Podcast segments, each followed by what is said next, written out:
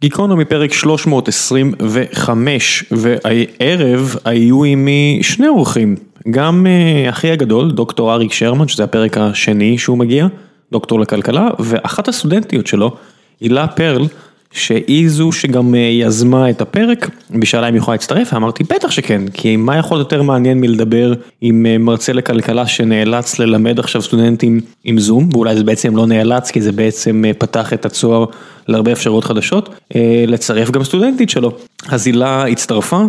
ודיברנו על שלל נושאים שלושתנו, אה, הרבה על קורונה ועל אה, מה יהיו השינויים שיגיעו בכל הנוגע לאקדמיה והרבה על כלכלה ובגלל שזה אה, גיקונומי אז פתחנו מלא סוגריים וקשקשתי הרבה על הרבה מאוד דברים, מקווה שלא הבכתי את עצמי יותר מדי מלבד אה, עשרות טעויות בוטות בעברית אה, שאני יכול רק לתת את התירוץ של שעה מאוחרת פלוס אני רגיל יותר לקרוא מאשר לדבר למרות כל הפודקאסטים האלו.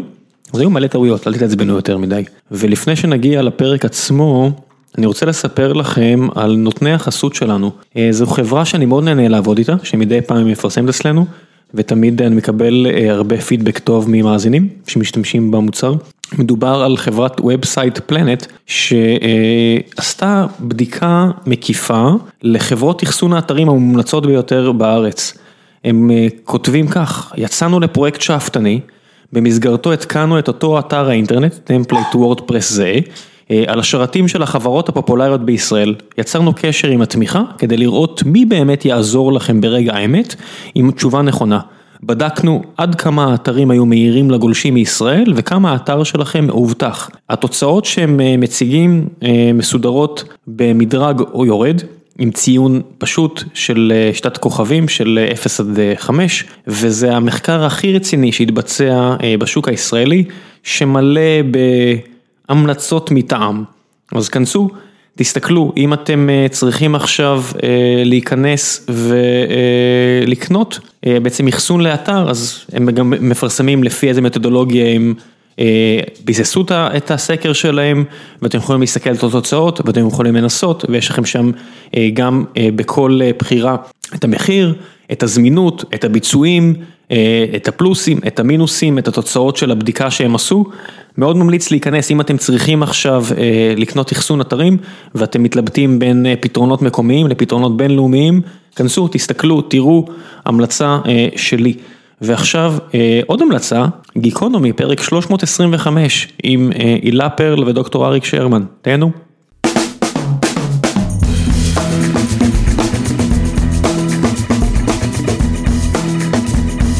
גיקונומי פרק 325 והערב אני מארח את uh, אחי הגדול אריק שרמן וסטודנטית שלו הילה פרל. מה העניינים? אהלן. סיפרתם לי uh, לפני שהתחלנו להקליט על, uh, על כך שבכלל לא חיברת שאנחנו אחים. לגמרי, שרמן אה, שם משפחה נפוץ. כן, כן, כן, גם יש מלא קרחים, אה, חצי ישראל קרחים, אז זה גם לא מספיק טוב. אתה גם לא מקשר את המרצה שלך עם, אה, בטח לא עם פודקאסטים, דברים שאתה לוקח בכיס לריצה. היום לכל אחד יש פודקאסט, לא שמעת? זה גם נכון. כן, היום לכולם יש, זה נהיה לפני שש שנים ממשהו שאף אחד לא הבין למה אנחנו עושים. לכך שאפילו הספר, אם הייתי יודע מה זה ספר, עושה פודקאסט לארבעה מהלקוחות הפייבוריטים שלו. כן, אני יכול להגיד ששני האחים שלי, אלי כשחזרתי מטיול גדול הכיר לי את האינטרנט, אמרתי מה זה אינטרנט, מה זה הדבר הזה, הראה לי דברים והנה אתה ראם הכרת לי את הפודקאסטים, אותה תגובה, מה זה הדבר הזה? ו... כן, בבקשה. אמרת, מי יאזין לשעה וחצי? שעתיים אפילו היה בהתחלה, הסתכלתי. היה יותר, כן. נכון, נכון, נכון, אז אני מודה לך ולאלי שהכרתם לי מה זה אינטרנט ומה זה פודקאסטים, יפה. כן, יום רביעי אמור להגיע אה, ארי שמיס, המנהל של אסותא. אז ראיתי, קבעתי איתו לפני איזה ארבעה חודשים, אני קובע את רוב הפרקים אה, הרבה לפני, ו... שבוע לפני הפרק אני קורא שהוא פוטר בצורה מפתיעה, פוטר, התפטר, לא יודע מה התפוטר כמו שאומרים בעולם הספורט. רשמתי בטוויטר, טוב, כנראה שהפרק הזה לא יהיה. שתי דקות אחרי זה הוא בעצמו מגיב ואומר בטח שיהיה, אני אגיע ואני גם אסביר מה קרה. ואני אומר אוקיי, עוד יותר טוב, אז תגיע, עוד יותר טוב, זה לתפוס מניה בזמן, כן זה היה ממש, אתה תמיד טועה בעצמך איך אה, מישהו שאתה רושם עליו בטוויטר מגיב מיד, כאילו מה הוא עושה סרט של השם שלו, אני אשאל אותו. כנראה, אתה יודע, אחרי שאתה מפוטר במקום העבודה שלך, כל מה שיש לך לעשות זה פחות או יותר לזעום בבית או מתפטר, אני לא יודע מה. כן, תשמע, כנראה שפיטורים יהיה משהו די נפוץ ב... יהיה? יהיה נפוץ. לא, כן. לא נשארו הרבה אנשים שעובדים. טוב, תשמע, זה רק 27 אחוז כרגע, אנחנו נמתין, נראה לאן אנחנו נגיע, אבל זה בטח לא מילה גסה תהיה פיטורים בזמן הקרוב. אה, אושר יכול להיות מילה גסה. לא, מתברר שלא, למה? לא, לא בטוח, לא בטוח שאושר תהיה מילה גסה, זה... מ- מכל עבר אני שומע שאנשים לומדים לנצל את התקופה הזאת ומבינים ש...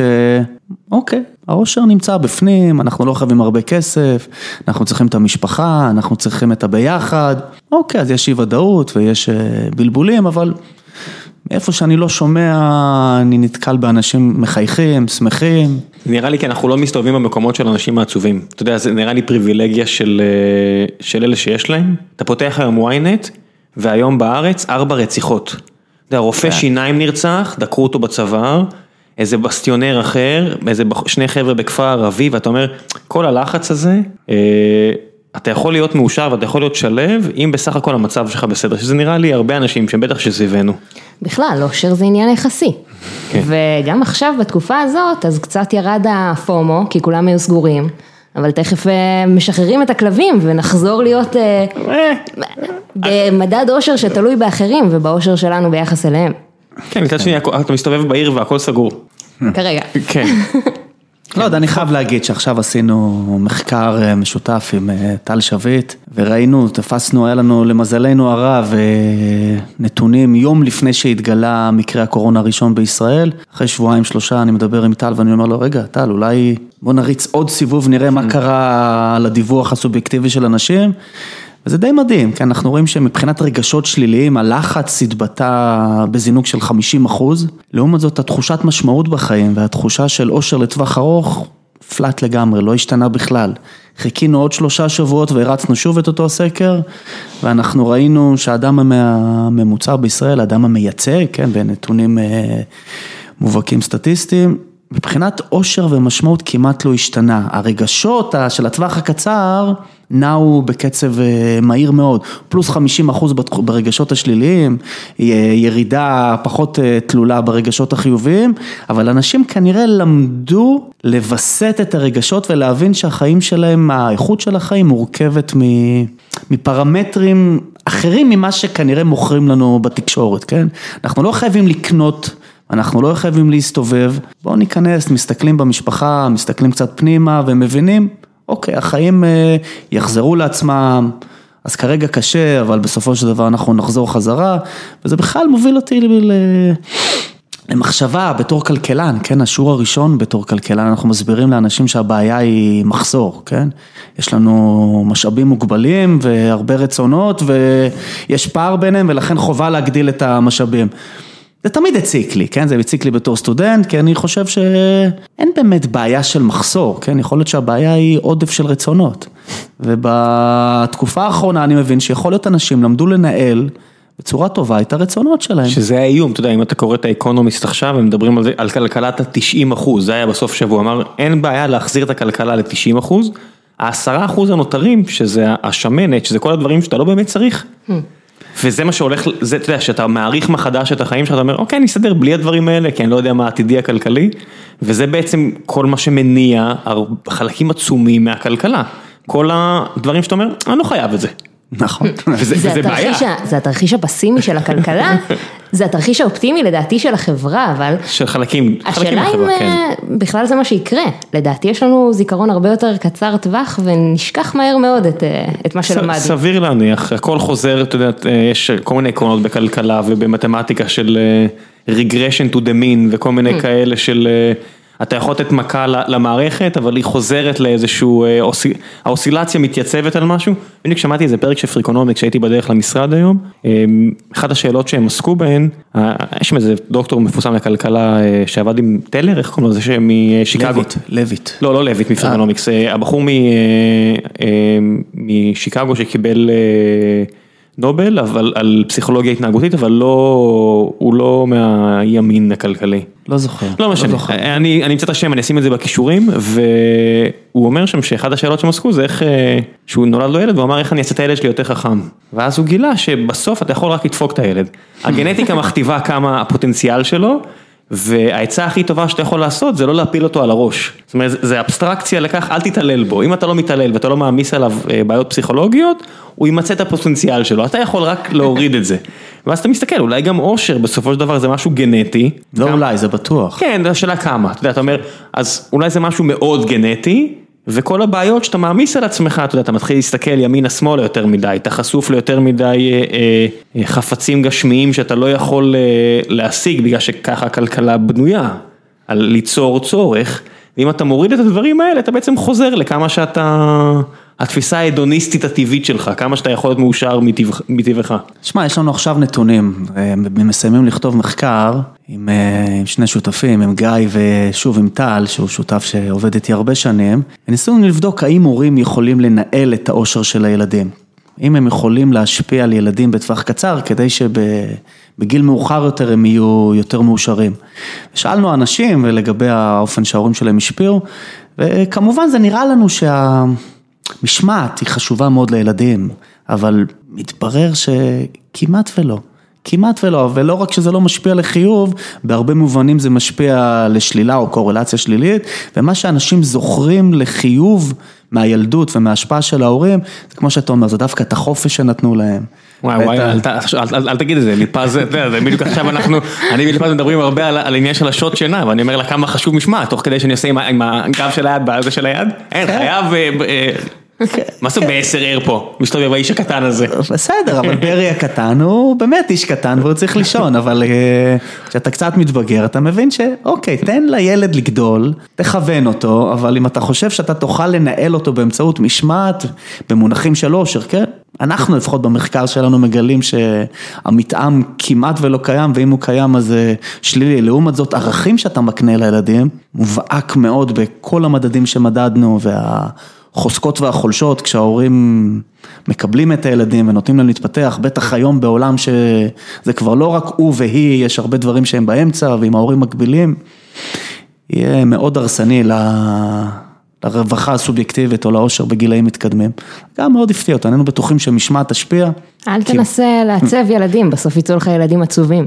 כן, כן, ככל הנראה. כן, מצד שני, יש ערך למשמעת, אתה יודע, כמה אני חופר פה למאזינים על, אה, על הביוגרפיה של נפוליאון, שאמרתי לך שאתה צריך לקרוא, שאמרת לי שטחנת כבר מספיק את הביוגרפיות על, על האיש, ואמרתי לך שאת את זו ספציפית אתה גם צריך לקרוא, והוא הוא, הוא דיבר הרבה בחיים שלו על כך שמשמעת סגרה לו פערים. זאת אומרת, היו הרבה אנשים מוכשרים יותר סביבו, אבל הוא ידע להישאר אה, עם משמעת, ואתה יודע, להיות עוד טיפה בישיבות והכל. שמע, מעבר לכיבושים, הוא גם עשה הרבה דברים טובים לבירוקרטיה הצרפתית, והוביל שם הרבה מהפכות מאוד חיוביות, ובתקופה שהוא היה מאוד ממושמע וידע to stay on point, זה הוביל הרבה, לתקופה הכי טובה שלו, וכשהוא איבד את המשמעת והתחיל להתפזר, והתחיל, אתה יודע, לחשוב אולי אני אכבוש את מוסקבה.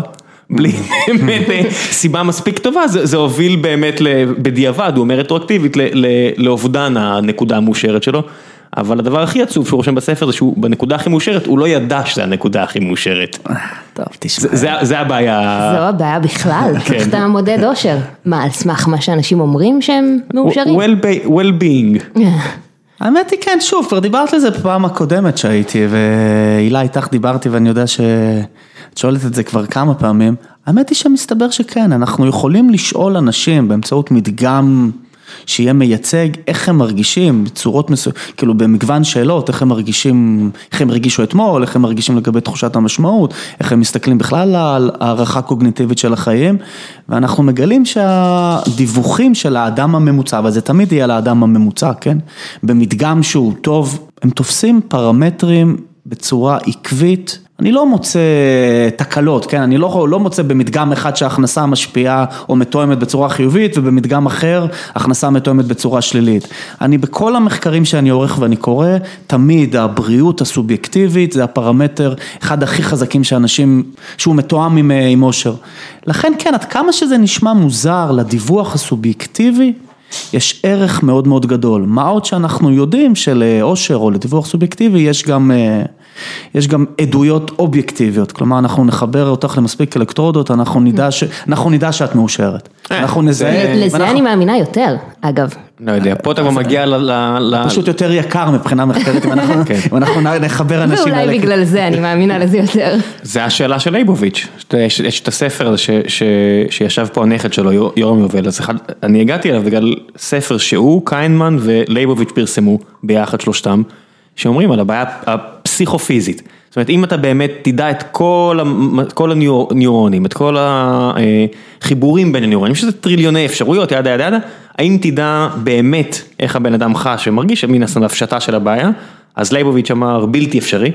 אתה לא תדע, זה בעיה שאתה לא תדע אף פעם, וכמו דון קישוט אתה צריך להסתער עדיין על הבעיה הזו כדי לנסות לפתור אותה למרות שאתה יודע שזה בלתי אפשרי, אה, ושני התלמידים שלו, קיינמן שקיבל נובל, ויורם יובל שהוא אדם חכם לכל הדעות, אומרים שהיום כבר כן, הם מאמינים שאפשר בהחלט לדעת. בוודאי שאפשר, שוב, אף אחד לא אומר שאני יכול לדעת איך בן אדם ספציפית מרגיש, זה ברור שלא, בן אדם ספציפי יכול להרגיש איך שבא לו, אבל אני יודע איך האדם הממוצע מרגיש, ואנחנו כבר יודעים שכסף, שוב, נחזור למצב של היום, אפשר להסתדר עם פחות כסף, אפשר להסתדר עם פחות קניות, כן, זה כיף לשבת בבית קפה ולבלות, אבל אפשר גם בלי. עכשיו, אני לא אומר שאנחנו צריכים לחזור לחברה נזירית, אבל יש אלטרנטיבות, והנה עובדה, במחקר שעכשיו אנחנו קולטים, האדם הממוצע, למד מהר מאוד לווסת את הרגשות של הטווח הקצר, לעומת אה, מבט קדימה והערכות קדימה, ולהבין, אוקיי, אולי החיים זה, ש... אבל אולי זה בגלל שלכולם זה קרה בבת אחת.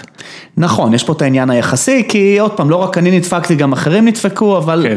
בסדר, בסדר. זה בכלל נראה לי הבעיה של הקורונה, כי אם לכולנו היו מוסיפים עוד אפס, או גורעים עוד אפס מכל המשכורות ומכל המחירים, כנראה שלאף אחד לא היה משנה. היה קם בבוקר ומרגיש אותו דבר.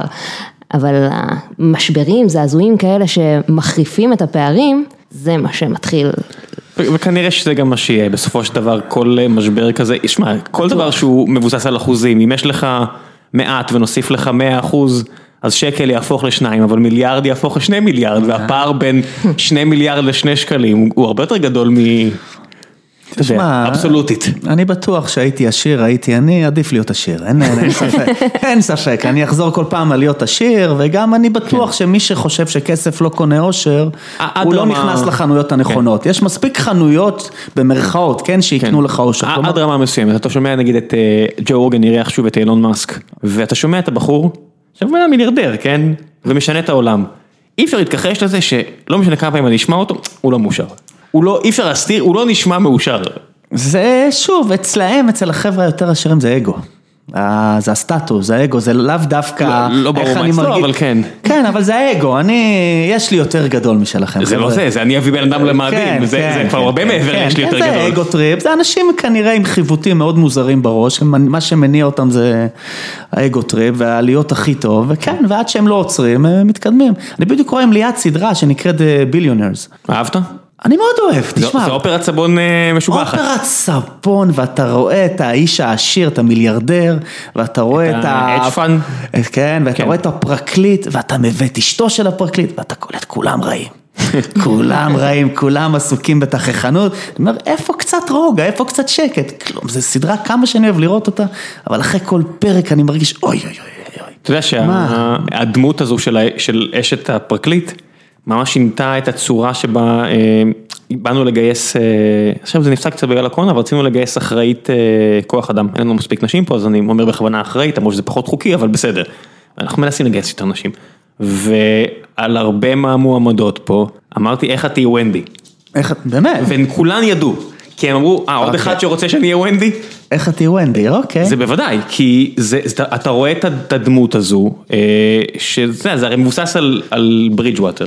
על ברידג' ווטר? ברידג', איך קוראים לחברה של רדליו? אה, אה, לא- לא זוכר, אה, אוקיי, יכול להיות. אני בסדר, אבל זה, אנחנו זה כן. מבוסס הרי על, על, על אותו עקרונות, שאם אתם רוצים תקראו את פרינציפול של רדליו, זה בדיוק זה, העניין של השיפור העצמי וה, וההסתכלות העצמית, וזה משהו, שמע, זה, זה, זה חסר, זה דברים שאתה לא יכול לקנות, אתה רואה גם שהערך שלה בסדרה הוא גבוה מהמשכורת שלה. עצום, עצום. ו... וכן, זה, זה בדיוק ככה, כסף לבד לא, לא קונה הרבה פעמים תוצאות, ודרך אגב, השם זה ריצ'רד טלר. זה ה... אה, אוקיי, זה גם משיקגו. זה, זה משיקגו שאמרתי שהוא, אני חושב שהוא היחידי שם הוא ורולניק שהם לא לגמרי ימינה היום, אבל בסדר. לא משנה ימינה, יש לו נובל, זה מספיק טוב בשבילו. כן, אתה חושב? כן, כן, הוא איש חכם. אתה חושב איך- ישנה אבל המצב הקיים את ההוראה? תראה עוד פעם, זה... בכמה מילים זה עובד לא רע. כן, זה אפילו אפשר להגיד שזה עובד טוב מאוד. אני אה, מלמד, אני פוגש, כאילו, אני מעביר חומרים לסטודנטים, אני כותב, אני מעביר הרצאות, זה עובר לא רע, אני בטוח שבאקדמיה חושבים, חושבים באופן דומה. אבל מה, מה עובר רע? אם אני מסתכל למשל על, על אותו מקום שריצ'רד טיילר מלמד בו, הבות', הבית ספר ל-MBA בשיקגו, הרי אתה לא מגיע לבות' בשביל השיעור. אז, אתה מגיע כדי להיות ביחד כל הסטודנטים, להיות מוקף באנשים כמוך, אני עושה פה במרכאות, וליצור את הקליקות ואת כל הדברים האלה. אתה לא משלם 60 אלף דולר בשנה כדי לראות הרצאה. אז אני אומר, שוב, בכמה מילים פשוטות זה עובד לא רע. השאלה היא מתחילה, את מי בדיוק אני מלמד? כלומר, אתה רואה, אתה רגיל לראות כיתה, אתה רגיל לראות תגובות של אנשים, כן? אני זוכר את הילה בסמסטר שעבר בתל אביב, באוניברסיטה הפתוחה, אתה מבין, אתה שואל שאלה, מישהו מגיב אליך, מישהו שואל שאלות, וזה, וזה הלך לגמרי, כן? אני קולט סטודנטים שלי ברופין. מה, בזום? עושים, כן, רואה- עושים קולות של מקשיבים, אבל אתה לא יודע מה... במקרה הטוב, במקרה הטוב יש לך קולות. כן, במקרה הטוב יש קולות, כלומר אין תמונות, בהתחלה היו תמונות של אנשים, כאילו הם הפעילו את המצלמות. אני לא חושב שבאמת משהו עובר, כלומר, זה זה נראה לא ש... קל. זה לא קל. הנה, יוני נמרודי שמקליט פה את ציון שלוש איתי, הוא אחד הבכירים פה של פייסבוק ישראל, הוא מכריח את האנשים לפתוח את המצלמה, הוא אומר אין דבר כזה בלי מצלמה. כולם, כל מי שמגיע, תתלבשו כאילו אתם באים לעבוד, תפתחו את המצלמה. אז זהו, זה בדיוק גיא, גיא, השותף שלי לכתיבה, גיא ברוקס מ- מרופין, הוא אמר לי, תשמע, אני גם, בקורס שלי אני מחייב אותם לפתוח מצלמות. אני אומר, מה זאת אומרת לחייב אותם לפתוח מצלמות? אני לא עושה את זה. אבל אה, כן, הנה, הילה תגידי, כאילו, את פותחת את המצלמה, אבל... אז באמת אה, העניין הזה של הזום מאפשר לך הרבה פריבילגיות, אבל אתה רואה שכשאתה מנצל אותם ומשתמש בהם, אתה מאבד נדבך מאוד חשוב. אני כבר סגרתי את המצלמה ואת המיקרופון, וכשהמצלמה סגורה והמיקרופון סגור, והוא לא רואה אותי, אז מה מונע ממני ללכת למטבח רגע להכין לי משהו לנשנש? או לקרוא אפילו משהו. או לצאת רגע לגינה, כן. ואז לשכוח לחזור, והמחשב פתוח וההרצאה רצה, אבל אני כבר לא שם. לא, אין, אתה יודע, יש לנו את האשליה הזו שהמוח הוא כמו מעבד עם אה, כמה קורים, כמה ליבות.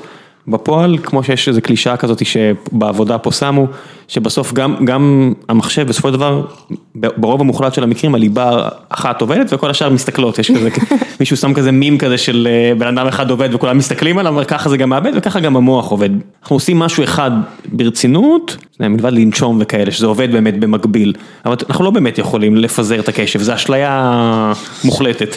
כן, את זה ראיתי בשבוע האחרון, כאילו זה כבר שמתי לב, סטודנטים בהתחלה עוד היו שולחים מיילים ושואלים שאלות וכולם עם מצלמות ויש יש רחש בחש בכיתה, אחרי שבוע כבר פחות ופחות מצלמות, כמעט ואין מיילים, אחרי שחזרנו מפסח אני רואה כבר זהו, דממה. להבין, רגע, מה קורה? ואז אתה קולט, זה overload, זה overload למוח. כלומר, סטודנטים הם רגילים, שוב, אתה מקבל באוניברסיטה מוצר השקעה. אין ספק, אתה רוצה תעודה, אתה משקיע עבודה, משקיע מאמץ, אתה מקבל את המוצר השקעה. אבל יש פה גם מוצר צריכה שאנשים איבדו אותו כרגע. כלומר, אין להם את הלהסתובב בקמפוס, אין להם לעשות עיניים אחד לשני, אחד לשנייה, אין, אין להם את, את הקשקושים בכיתה.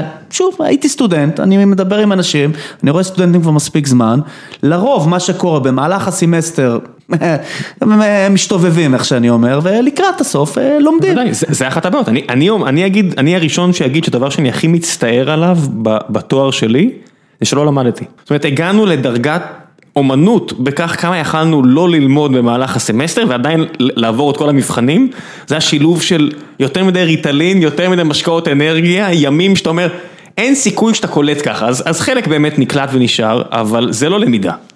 לא יעזור כלום, זה, זה היה באמת כיף, הארבע שנים האלה, אבל מבחינת הערך הנצבר, וגם ישב פה הנשיא של בן גוריון, אמרתי גם, גם לא את זה, לא, לא התבאסתי להגיד לו, יש משהו באקדמיה שצריך להשתנות, כי המחשבה שאתה תצבור כלים היא קצת נאיבית, מצד שני, אם תנסה אולי לפתח מחשבה, פה אי אפשר, you can't fake it. אם אתה אומר, אני עכשיו אעשה מחשבה כלכלית, מחשבה ביולוגית, מחשבה הנדסית, מחשבה של מדעי המחשב, מחשבה ספרותית, וזה בעצם יהיה גם הסמסטר, אז you can't fake it, אתה לא יכול אה, כמו שאצלנו, אנשים היו באים לשיעור עם משקפי שמש, כי הם סיימו את המסיבה לפני שעתיים. נו, בטח. זה בעיה באקדמיה בכלל, זה בלי כן. קשר לזום, לא זום. לא, אבל עכשיו, הרי תמיד שיש אה, תקופה של משבר, זה זמן טוב לעצור ולחשוב. נכון. כי אחרת אתה עובד על אוטומט. אה, החוק, אתה יודע, החוקים של ניוטון, אם אתה לא עוצר גוף, הוא ימשיך לנוע כמו שהוא. ועכשיו מישהו, מישהו כתב, אה, איזה דוקטור אחר לכלכלה, הוא אמר, זה הזמן לעצור קצבאות זקנה. אומר, למה דווקא עכשיו? כי אנחנו בכזה בור, שאנחנו צריכים עכשיו כסף, תסתכלו על ה-36 מיליארד האלה. אולי תעצרו אותם ותנו 18 מיליארד, חצי מזה, לאנשים שבאמת אין להם, שאין להם כסף לתרופות ולאוכל.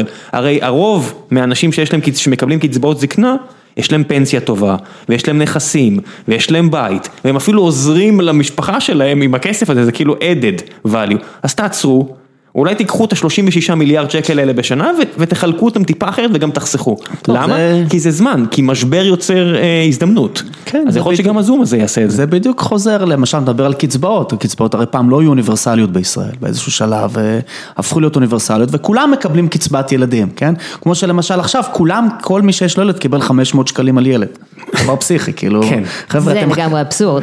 כן, אתם חסכתם כסף, אתם אה, עשר שנים חסכו פה כסף, התגאו שהיחס חוב תוצר יורד, ופתאום עכשיו בבת אחת, בום, אתה מחלק בצורה אוניברסלית, כל מי שיש ילד מקבל 500 שקל, זה באמת דבר הזוי. וכשזה דבר כזה, אנחנו חוזרים לעניין הפערים. זה בדיוק מחריף אה, פערים. זה לא מחריף, אבל זה- זה מעלים את האפשרות לתקן אותם נראה לי, לא? זה פשוט לא צורה שוויונית לחלק לפי זה, לפי ראש של ילד, הרי אנחנו יודעים שמשפחות לא מתפלגות אה, נכון, באותה כן, צורה כן, של כן. ילדים. שוב, אז אתה אומר ש... תראה, אתה כמו, עוד פעם, אל, ת, אל תבזבז אה, משבר טוב, אה, אל תבזבז לעולם משבר טוב. האם ל, ל, ל, לשנות את מערך הקצבאות ולהפסיק אה, להפסיק אותם שיהיו... לא? להפסיק, לשנות. לשנות אותם, כן, להביא למי שצריך. כן, אם אתה, לבחון, יודע- אם לבחון אתה. יודע להעביר למי שצריך, כן, כלומר, אין לי ספק שזה יכול להיות עדיף, כן? כלומר, אתה לא צריך לתת קצבת ילדים לכל מי שיש ילד. תשמע, יישב פה עוד שלושה ימים, ארי שמיס ויגיד לך שכמות המידע למשל הרפואי שיש בארץ, אין לה אח ורע. אין לה. הסיבה שכולם מסתכלים עכשיו על המידע הרפואי של ישראל, כי אין דבר כזה, נוצר פה סיטואציה שיש מעט קופות חולים, והם התחילו בתהליך דיגיטיזציה ושומרים את המידע מתקופה יחסית מוקדמת. אותו דבר כנראה שעם מאמץ לא גדול, אתה יכול להשיג את המידע גם על הכנסות וגם על רכוש. אין בעיה לדעת. לא, זה כנראה לא כזה פשוט, אבל זה גם כנראה לא כזה מסובך, כמו הרבה דברים בחיים. תשמע, זה עניין עקרוני, כן? אתה יכול לחייב דיווח אישי, כן? למשל. של... למה שלא יהיה דיווח אישי, ואז אתה תדע בדיוק כמה כל משפחה משתכרת בסוף השנה. לא רק משתכרת, כמה, נכסים יש לך. כן. יכול להיות בן אדם שלא משתכר בכלל, אבל יש לו טירה. אז למה, למה שתביא לו אה, עזרה? אתה יכול לעשות את זה, זה לא בעיה, אם אנחנו לומדים מארצות הברית, אז אין בעיה לחייב דיווח אישי, כן? זה כבר עניין של אה, תמריץ לקובעי המדיניות, האם... האם לשנות ופוליטיקה, כן, אתה מבין שיש פה מערך פוליטי ויש כוח למפלגות מסוימות שלא בטוח שהם ירצו לשנות אה, קצבאות אוניברסליות. ובמשבר הקרוב אתה שאלת שוב על האקדמיה, אין לי ספק, אין לי ספק שברגע שתוקם ממשלה וברגע שיבינו את הברוך הכלכלי שנוצר פה, זו בכלל שאלה שצריך תכף לדבר עליה, כן? האם מישהו העלה על הדעת, כן, בחודש פברואר, מה הנזק הכלכלי שהולך להיות? ככל שאני חושב על מה זה... זה פברואר? אני, הסתכלתי באינסטגרם, בתחילת מרץ לקחנו את ברי לקטיף תותים. זה, זה היה מרץ, היה שם אלף אנשים סביבנו. כן. מרץ, אנחנו עכשיו כולם מים, מה קרה בין לבין שהכל התפוצץ? לא, אבל אני חושב, יש תפקיד, למשל, נגיד בנק ישראל, שהוא היועץ הכלכלי של הממשלה. אם אני לא טועה, ההערכות של בנק ישראל לגובה הנזק היו בסביבות ה-10-15 מיליארד שקל. כלומר, סדר גודל של אחוז תוצר, זה שום דבר. באמת, זה אוקיי, מכה קטנה בכתף לכלכלה כבר באמת עשירה כמו ישראל. אבל הלו, מסדר גודל של אחוז תוצר, להגיע- 150. להגיע 150 ל- מיליארד. לגירעון שכבר יחרוג, באמת, אתה יגיע לתקופה של שנות ה-80 למעל עשרה אחוזי תוצר, הלו, אף אחד לא חשב שמדינה חכמה כמו ישראל יכולה אולי להתמודד עם קורונה, ואני אומר, ישר כניסה אחד לישראל. הייתם, אתם הולכים עכשיו להוציא מיליארדים על סגר, ושזה גם בכלל דבר מטורף, אם תחשבו על זה, זה בעצם המיתון הראשון, בהנחה שהוא יהיה מיתון, כלומר שני רבעונים ברצף של ירידה בתוצר, שהוא מיתון מתוכנן. כלומר, עד עכשיו המיתון היה בגלל שאנשים נפלטו משוק העבודה, ואתה רצית להחזיר אותם. פה פתאום אנחנו מגיעים לעולם ש... הממשלה, אנשים. או אתה מוציא אנשים משוק העבודה, אתה ממש מתכנן מיתון. כן. אז הלו, לא יכולנו, מישהו לא היה יכול לתת הערכה של, חבר'ה, זה הולך להיות פסיכי. אולי היה שווה להשקיע... עדיין אפשר, תקשיב, עדיין אפשר לעשות פוס משחק ולהגיד, אוקיי, עשינו, טעינו, בהנחה וזה טעות. תקשיב, היה היום מישהו, מישהו כתב בטוויטר, הוא אמר, קניתי, תסתכלו, יש פה קופסה, אה, הוא מראה חדר מלא בבקבוקים של ליטר. לא, מישהו, אני חושב בפתח תקווה, אני חושב שג'יימס אולי אחד מאלה. הוא אומר, למה יש פה כאלה אה, בקבוקים של ליטר? כי אני לא יכול יותר לארח אנשים למכור בירה בפאב שלי, אז אני מזמין אנשים לבוא למלא את הבירה וללכת הביתה, אבל אז הגיע שוטר והביא לו קנס, שאמר לו, אין לך אישור למכור בירה מחוץ לפאב, רק לשבת, אבל הוא אמר לשוטר, אבל אני לא יכול למכור בירה בתוך, כי יש קורונה, הוא אומר, נכון, אבל גם אין לך אישור למכור החוצה, אז מה אתה רוצה שאני אעשה כדי להתפרנס? אתה מבין, יש צרכ- יש צרכנים או צרכנים, איך אומרים? צרכנים. צרכנים אומרים? אנשים מתקנים אותי כל הזמן, נראה לי שצרכנים זה ידעתי. נכון. צרכנים זאת המילה, בירושלים המרצים הוותיקים יגידו צרכנים. כן. אוקיי, אז יש צרכנים שבאים ורוצים לקנות את הבירה, יש בן אדם שיש לו בירה שרוצה למכור, ויש שוטר שאומר, אסור לכם לעשות את הטרנזקציות. עכשיו זה מדהים, לא משנה מה תלמד בתואר ראשון כלכלה, המצב הספציפי הזה, אין לו תיאוריה. לא, זה אבסורד. השאלה אם המבצע, אותו שוטר, הוא בכלל יודע מה הוא עושה. הוא לא רוצה. זה לא, ואין מה להאשים את השוטרים, אני, אני רואה אותם מסתובבים פה בתל אביב וכולם פה חכמולוגים, כולם פה מצלמים, בועטים בהם, אתה יודע, אנחנו חיים במדינה משוגעת. אנשים פה מרביצים לשוטרים וצועקים עליהם, והם רק הזרוע המבצעת של חוק שלא הם כתבו. לגמרי.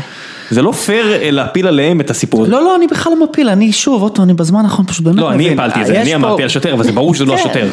אבל יש פה מישהו שאחראי, יש פה מישהו שאחראי על הכלכלה. שוב, לא יכול להיות שבמשך עשור שלם אנחנו מתגאים שאנחנו מקטינים את היחס חוב תוצר, מצמצמים את הגירעון, ופתאום בבת אחת משחררים את הרצועה, 500 שקל לכל אדם, וגם לנכים, אין שום בעיה, בבאללה.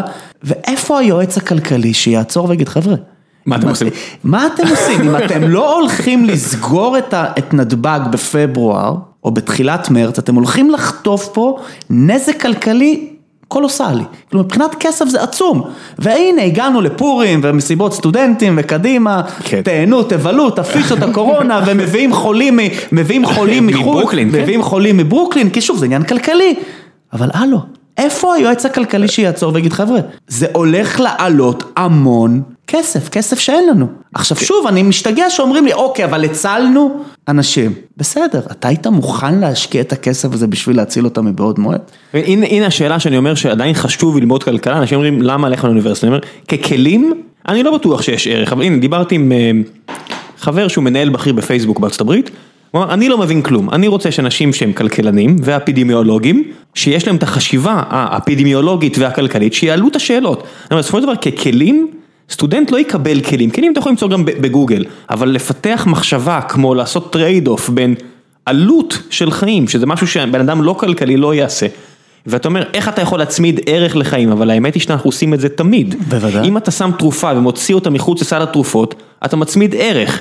אם אתה משקיע ב, ברווחה, אתה יודע, בתאגיד השידור, אם אתה שם מיליארד שקל, אבל לא שמת אותו מיליארד שקל לבית חולים, אז הצמדת ערך לחיי אדם, אנחנו כל הזמן עושים את זה. הקורונה פשוט שם את זה מול העיניים של אנשים, ועכשיו הם שואלים, איך אתה עושה את זה? שוב עוד פעם, אם יש משהו בכלכלה שהוא מציק ומטריד, אבל מייחד רק את הכלכלים, זה המושג שנקרא ויתור אלטרנטיבי. כלומר, אוקיי, הוצאת עכשיו 100 מיליארד שקל, 80 מיליארד שקל, בזה ש... אני לא יודע כמה אנשים הצלת, אני לא בטוח שהצלת המון אנשים, כי בסופו של דבר היה אפשר ב, כנראה בכסף אה, הרבה יותר קטן, לבודד את מי שצריך לבודד. אנחנו לא יודעים, אבל... אבל אני יכול... נניח- ו... נניח תחת- ושאפשר, לא יודע, כן, אנחנו- אנחנו בטח לא יודעים, אנחנו בטח לא אפידמיולוגים, אבל כן. אבל מה האלטרנטיבה? על מה ויתרת? כלומר, על מה... השאלה, אתם כן. בכלל מבינים על מה ויתרו פה? מה היה אפשר לעשות במדינת ישראל ב- 100 עם מיליארד. 100 מיליארד שקל? כן. אתה אומר, זה כאילו, זה השערות, השערות צומרות. שוב, גם לי אין המון שיער כן. בראש, והשערות צומרות. והיו פה שתי מערכות בחירות, שכל אחת מהן עלתה סדר גודל של... מיליארד שקל במינימום, מה אפשר לעשות עם הסכומים האלה?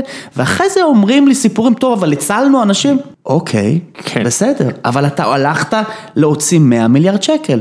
אם כל כך חשוב לך חיי אדם, עכשיו לא פונה אל אף אחד בצורה ישירה, למה לא סוללים כביש לאילת שיציל אה, חיי אדם? למה הכביש לאילת נראה כמו שהוא נראה? קשה להשקיע את הכמה מאות מ- מיליונים. ירוחם, אילת, אתה יודע, כל פעם שהייתי נוסע, הייתה לי איזה- חברה בירוחם, כל פעם שאתה נוסע, אני אומר, מה זה הדבר הזה? מה זה? זה פחד אלוהים. יש, למה יש, אני נוסע על כביש, יש שם שלט זהירות גמל, ואתה אומר, זה לא בדיחה, אין אור, וגמל יכול לצאת. נו מה, יש לנו חברים, אתה מכיר מה את זה? זה? רן התראיין אצלך, מה זה, הם עברו תאונה עם גמל. הם גרו במצפה רמון ואשתו זהבה עברה תאונה עם גמל, נו זה לא לא צחוק. עכשיו, כל כך חשוב חיי עזוב, אדם. עזוב כביש, שים פנס, כן, בוודאי, תשקיע את הכסף הזה. שים פנס. טוב, הנה- הנה המחסור שלך. אבל שוב, אין בעיה מחסור, אבל אתם עכשיו הוצאתם כל... ברור שברמת המקרו יש מחסור, כן? אז אנחנו, יש הרבה מטרות, אין לי, אין לי בעיה עם זה. אבל עכשיו הוציאו כל כך הרבה כסף, והסיפור כן, אבל זה חסך חיי אדם. אוקיי, אוקיי. מה הוויתור, אוקיי, חסך חיי אדם, אבל על מה ויתרת? אחרי אדם. בסוף אתה תמיד יכול לגזור את ה... משכנו פה את העתיד, למעשה משכנו פה את העתיד של כמה, של כמה דורות קדימה, כי אנחנו יודעים, הרי גירעון היום בא על חשבון הדורות, ה- על חשבון הדורות הבאים. כן, אגב, לא בטוח שחסכת את החיי האדם האלה. פשוט אה, נכון? אה. ויתרת על אחרים. Alternative cost. וראם, בדיוק. כן, וראם דיבר, אתה אומר, אנשים פה נדקרים, ואנשים תכף, ונשים אה, נרצחות, הלו, יצרת פה סיר לחץ. לא, אנחנו לא מספיק חכמים בשביל להבין כבר בינואר, פברואר, שהלו. לא, לא רק אנחנו, אתה גם מסתכל עכשיו, אה, האקונומיסט אומר, חשוב שתבינו ש-22 טריליון דולר החוב האמריקאי, אה, עכשיו משלמים על ה-22 טריליון פחות מאשר ששילמו על החוב כשהוא היה רק טריליון דולר לפני אה, 30 שנה. מה הקסם? ריבית נמוכה. הרי הרוב המוחלט, אם תשאל אנשים, מה זה החוב האמריקאי, למי הם חייבים אותו? אתה יודע? איך, אם אתה חייב לנחש, 22 טריליון, איך הוא מתפזר? לא יודע כמה בטח זה שלושה טריליון ל- לסינים. פחות מטריליון. פחות מטריליון. עכשיו. כל הסיפור הזה של החוב לסינים, שכולם מדברים, הסינים יבקשו את החוב, את ליטרת הבשר שלהם, איך אומרים, ליטרת? איך אומרים? אין לי מושג איך מדברים עברית בכלל. אה, אז יבקשו- ליטרת הבשר. ליטרת, ליט- ליטרת, כן, ליטרת. אני רגיל לקרוא ולא לדבר, אתה מבין? למרות כל הפודקאסטים האלה. ואז הסינים יבקשו את ליטרת הבשר שלהם, זה לא הרבה כסף ביחס לחוב, הרוב המוחלט של החוב הוא לאמריקאים, הוא פנימי. עכשיו, הריבית הנמוכה מאפשרת להם לשלם כל שנה רק 400 מיליארד, סכום קטן לכלכלה האמריקאית, כמו שהם שילמו אז, כשהריבית הייתה מטורפת, שהם עשו, שפול אה, וולקר הגיע ו- והציל את האמריקאים, זה היה אז אותו דבר. אז מה זה בעצם אומר? הם מכריחים את עצמם עכשיו להשאיר את הריבית הזו נמוכה לעד. כי עם 22 טריליון דולר חוב, הם בחיים לא יוכלו להעלות את הריבית, כי הם יחנקו את. את, ה... את הפיזור כסף של עצמם. ואם הריבית הנמוכה בארצות הברית, אם הריבית היא נמוכה בארצות הברית, בכל העולם היא חייבת להיות נמוכה. כן, כי כן, אם אתה תעלה ובארצות הברית היא אפס, אז בעצם אתה יוצר לעצמך בעיות, כי כולם יגיעו לעשות ספקולציה על כן, המטבע זה היה שלך. מלחמת מטבעות שהייתה. אבל זהו. נגמר מה יהיה המלחמה. הסוף? איך זה ייגמר? אובדן אמון בדולר, זה מה שזה ייגמר. תעשה לי ספוילר. מה זה יהיה? שוב, עוד פעם, זה... אין, מושג, כן, כן, כמה שאני לא קורא, אחרי 2008 משהו, משהו השתבש בכלכלה העולמית. כלומר, זה ברור שיש בור, זה ברור שיש בעיה בחלוקה בין ייצור לבין צריכה, בין שירותים לבין תעשייה. זה ברור שיש בעיה של חובות, אבל אנחנו מכסים את הבעיה הזאת עם עוד כסף ועם עוד חובות. ובינתיים זה עובד, כן? כלומר, אז אומרים, אבל אין אינפלציה. אבל יש צמיחה, רגע, אבל השכר לא עולה בקצב שהיינו מצפים, ואגב, אחרי 2008 לכלכלה האמריקאית לקח המון המון זמן להשתקם, כן? כלומר, כל הסיפורים שהכלכלה האמריקאית במצב טוב, כן, היא טובה לעשרה אחוז. זהו, היא, היא טובה לעשרה כי- אחוז כי ב- קליפורניה ווושינגטון וקל... וניו יורק מעלות כל כך את הממוצע שהגרפים נראים טוב. כן, אני רואה את הגרפים. כן. ואבואות, אה, נדל"ן, זה. האינפלציה, כן. ו- אנשים אומרים שאין אינפלציה, אבל כדי להשקיע היום בסטארט-אפ קטן, אני יודע, כי אני לוקח הרבה, לקחתי כמה את הכסף הזה, אתה צריך המון כסף. נכון. ואם אתה רוצה לקנות דירה במנהטן, אתה צריך המון כסף. אנשים אומרים, איפה האינפלציה? שם. האינפלציה היא בכל מיני נקודות פצפונות בתעשייה, היא לא על אה, עגבנייה. בדיוק. היא על נקודות נורא קטנות בתעשייה, שאתה אומר, אולי זה חסר אה, ערך. שוב, אז זה עוד פעם, זה לא האינפלציה שאנחנו מסתכלים על מדד המחירים לצרכן, כן? כי מחירי המניות הם לא ב- בסל, וגם מחירי הדירות אגב הם לא בסל, רק השכירות. רק השכירות, רק כן. השכירות, כן, אז אתה אומר, אוקיי, אבל זה הרי זה ברור. תראה, תראה את הכלכלה הישראלית, איזה יופי של צמיחה הייתה לנו בשנים האחרונות, רק לא שמו לב שהרבה מזה בא מקנייה מקנייה, מקנייה של מכוניות בהלוואות מאוד גדולות. בבקשה, תמשיכו לקנות עכשיו מכוניות, כן? וכל הסיפורים של קל לקחת הלוואה ואיזה יופי ותמחזרו את ההלוואה ותיקחו, בבקשה, נראה אתכם עכשיו, כן? אני שומע כאילו צעקות נגד הבנקאים, למה אתם לא נותנים הלוואות? סליחה? בשביל זה יש שוק אפור, אתם הפכתם להיות לווים בסיכון, אף בנק לא יעמוד עכשיו בתור לתת לאנשים שהם בסיכון גבוה הלוואה בריבית נמוכה, וזה הסיפור. מדהים אותי, שאני קורא בדה מרקר, עכשיו בסופש, כתבה עם מסעדנית, והיא אומרת, אתם יודעים שאני לא מקבלת הלוואה, שרק עצם העובדה שאני מסעדנית פוסלת אותי מההלוואה, ואני אומר, אבל המסעדות סגורות, מי יביא לך הלוואה? איזה היגיון כלכלי יש לבנקאי שיושב מול מסעדנית שאומר, תביא לי הלוואה, אבל הוא אומר, אבל את יודעת מתי המסעדה תיפתח? לא, אז על מה את רוצה הלוואה? אין. לנו מושג איך להעריך את זה. אין מה לעשות, זה סיכון מאוד גדול. זה, אבל זה לא סיכון, זה, אין פה שאלה של אי ודאות, יש ודאות, המסעדה סגורה עד הודעה חדשה, אז על מה עכשיו כסף? אין, אין, אין, אין, יש לי שכן אה, מצחיק, מדבר איתו בנקאי בבנק הפועלים, כל פעם שואל אותו, אומר לי, תגיד לי, כשהמצב היה טוב ואנשים קיבלו הלוואה בריבית נמוכה, זה היה בסדר. עכשיו אותם אנשים עם חובות באים אלינו והם רוצים לקחת הלוואה. אני מסתכל על הפורטפוליו שלנו, הלו, אתם ממש מסוכנים. נראה לכם שעכשיו אני אתן לכם הלוואה בזול? אי אפשר, זה עניין של סיכון. חבר'ה, אי אפשר. כלומר, יש פה... אתה מדבר על כסף, הכסף היה זול, הוא זרם מארצות הברית ודרך ההייטק ומההייטק שאנשים מקבלים את המשכורות וכולם שיקבלו את המשכורות האלה בשמחה רבה, הוא מחלחל למטה דרך, ה, דרך השירותים ואני פוגש סטודנטים שלי ברופין ובבי אלה מנהלים וחבר'ה שנותנים, עושים שיעורים, עושים אה, שיעורי זום ושיעורים, אה, שיעור, שיעורי ספורט ו, ומדריכים פה ואני אומר להם לפני כמה שנים, חבר'ה, אתם מבינים שבאיזשהו שלב הכסף מלמעלה יכול לעצור, כן? זהו, אל תגיד לי ולכ- שהוא יעצור, הוא יכול לעצור, הוא יכול, הנה לא, כן. הוא יכול, לא, לא אמרתי שהוא אמר, אתם. לוקחים בחשבון שכסף שמגיע מלמעלה, כן, יכול לעצור באיזשהו שלב, ותהיה לכם בעיה, כן? כלומר, יש פה חוסר איזון בין, בין נותני שירותים לבין אנשים שבאמת מייצרים משהו, כן? ויכול להיות שעכשיו... הכסף הולך ונעצר, כן, לא יודע, אני שואל אותך ראם, איפה אתה... אין לי מושג. אני לא יודע, אין לאף אחד מושג. אין, הכסף בטח לא, יהיה קשה עכשיו יוצא- אנחנו לגייס. יצאנו מנקודת הנחה שלא נגייס כסף. שאתם לא, ושוב, אם אתם לא מגייסים כסף, אז ב- בשמנת למעלה יתחיל קצת לפטר אנשים וקצת להוריד בשכר, זה והחגיגות... שה- קצת? Airbnb פיטרו רבע מהעובדים שלהם, זה לא קצת. כן, ועכשיו שוב, 1900, הכסף שהאנשים כן. היו רגילים, כן, ואני, שוב, אני שואל את הילה, אתה, עזבת את תל אביב קצת לפני שהבועה הזאת התפוצצה, נכון? כן, האמת שבלי קשר לקורונה, ואני מנסה לחשוב רק מה היה קורה אם הייתי צריכה להחזיק עכשיו את הדירה שלי עם כל המצב הזה. פסיכי. ואותה מסעדנית, גם, אתה מדבר על Airbnb, עוד הם... אה, מי מי זה הם, החברה או האנשים שקנו דירה בהלוואה מטורפת ועכשיו אין מי שיגור בדירה הזו. לגמרי. הם יש חייבים לה- להחזיר אותה לשוק ולמכור כל אותה. כך אני הרבה בעיות שהן בסוף מסתכמות בשורה הזאת של, במילה כלכלה, אבל כל אחת עם אה, אופי ייחודי וסיפור משלה, וזה פאזל וסודוקו עצום, אי אפשר. לפתור את זה. חכה שהם, לא אפשר, שמישהו יגיד, טוב די, תחזרו, ואם אה, זקנים ימותו אז הם ימותו, ואז מישהו ירים את היד ויגיד, אז על מה- אז על מה חיסלת לי את העסק? נכון. אם עכשיו אתה בדיוק, פותח... השאלה אם אפשר להחזיר את הגלגל לאחור. אין להחזיר את הגלגל אין. אחורה, כי עסק, שנמה, עסק שמת, הוא מת, אם הוא צבר חוב של מיליון והוא מכניס 100 אלף דולר כל חודש, אין לו איך לצאת מזה. לא, לא. עדיף לו לסגור את העסק באותו שלב. והוא ירים את היד בצדק והוא ישאל, אז על מה עשית את הסגר? אם עכשיו הגעת למסקנה, חורף הבא, כן? הרי כמו כל וירוס מהסוג הזה עונתי, כנראה, אלא אם כן יהיה נס אה, מדעי מגניב לאללה וחיסון, יכול להיות, כל העולם חוקר את זה. נפגוש אותו בסתיו. כן, לאיידס עדיין מחכים לחיסון, לא יודע אם אתם יודעים או לא, גם וירוס, אה, 30 שנה, אז אולי לזה כן יהיה חיסון, אבל אם לא יהיה, אז חורף הבא, אני מניח שאנשים יגידו, אתם יודעים, אין לנו כסף לעוד הרפתקה כזאת, מצטער, תתמודדו. ושוב, זה יחזיר אותנו, עוד פעם, אתה שאלת בתחילת הדרך על אושר ועל, ועל עבודה, והנה פה אני מסתכל על הילה שגרה בתל אביב, ואני בטוח שהחיים מגניבים בתל אביב, וראם גר ואלי גרים בתל אביב. כשהכל פתוח, הכל כשהכל פתוח כן. וזה נחמד, אבל הלו, רגע. מסעדות לא ממש נפתחות, וחיי הלילה לא ממש נפתחים, וגם אנשי ההייטק, אה, אולי עכשיו יכניסו קצת פחות כסף, אנשים יצטרכו לחפש משהו אחר, כן? או שהמחיר ירד, כן? מתישהו הכלכלה אמורה לאזן את הביקוש והיצע הזה. כן, אבל עדיין אני אומר, האם הבעיה האמיתית היא במחסור, כלומר אני אהיה חייב לעבוד עוד ועוד ועוד ועוד בשביל לממן את, אה, את החיים שחשבתי שהם מגניבים, או שיקרה באמת משהו שהוא שונה. אם אני אומר, אם הילה עברה לקיבוץ מעיר כזאת מגניבה כמו תל אביב, ואם- וכן, תספרי, אז לא רע לך שם.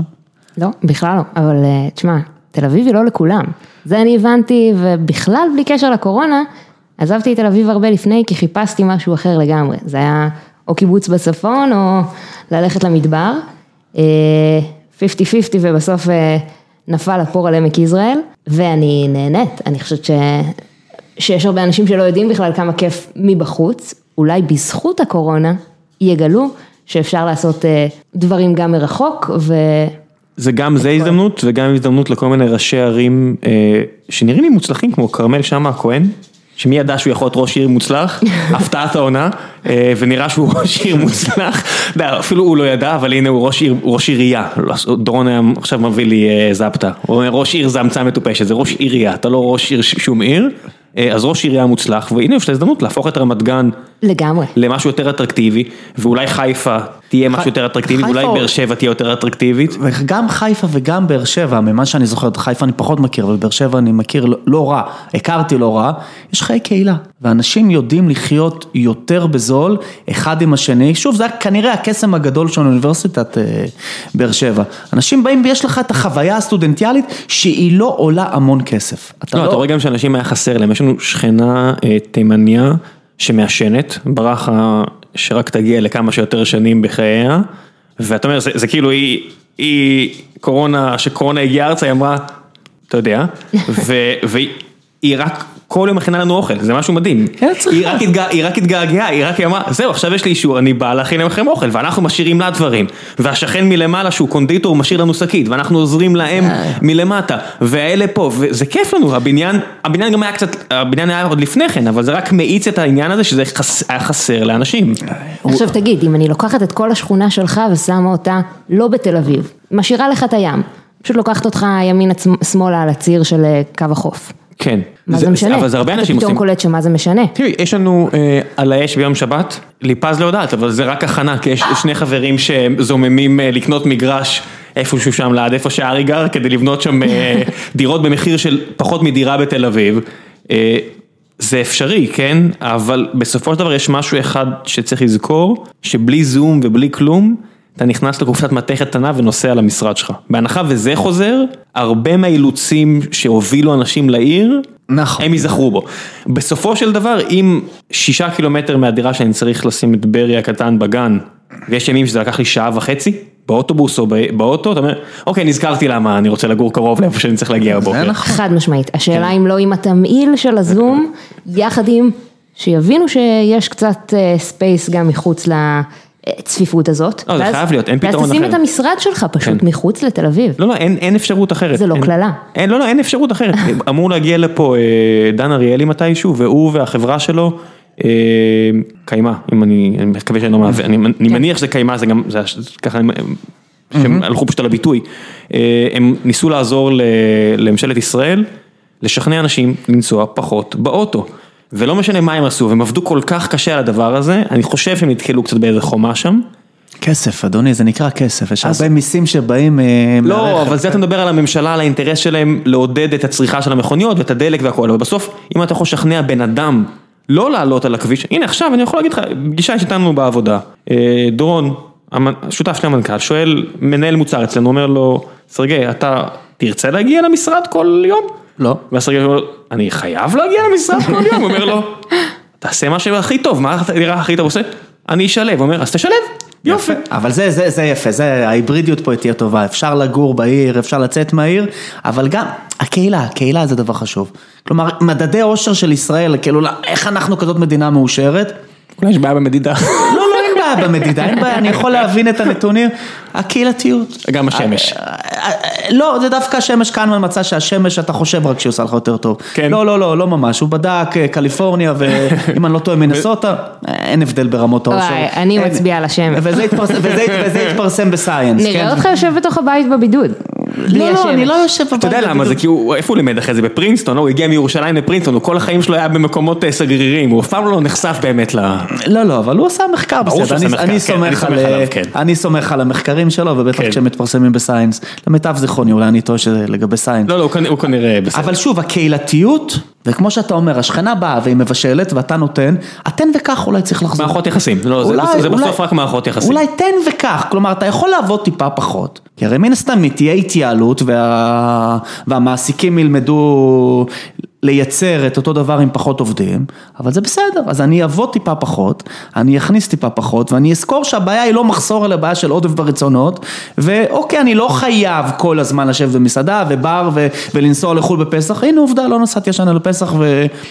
גם כיף, נכון, אפשר, עדיף לנסוע לחו"ל בפסח, אבל אפשר להסתדר גם בלי, לא חייב כל שנה, ויתן וכך, והקהילתיות, והשאלה אומרת, איזה כיף זה קיבוץ, אז כן, אז אפשר, אפשר למצוא את החיים שהם יהיו מספקים, בעלי משמעות, בתוך עיר גדולה, מחוץ לעיר גדולה, אבל מתוך הבנה, אוקיי, אני חייב לעצור, כן?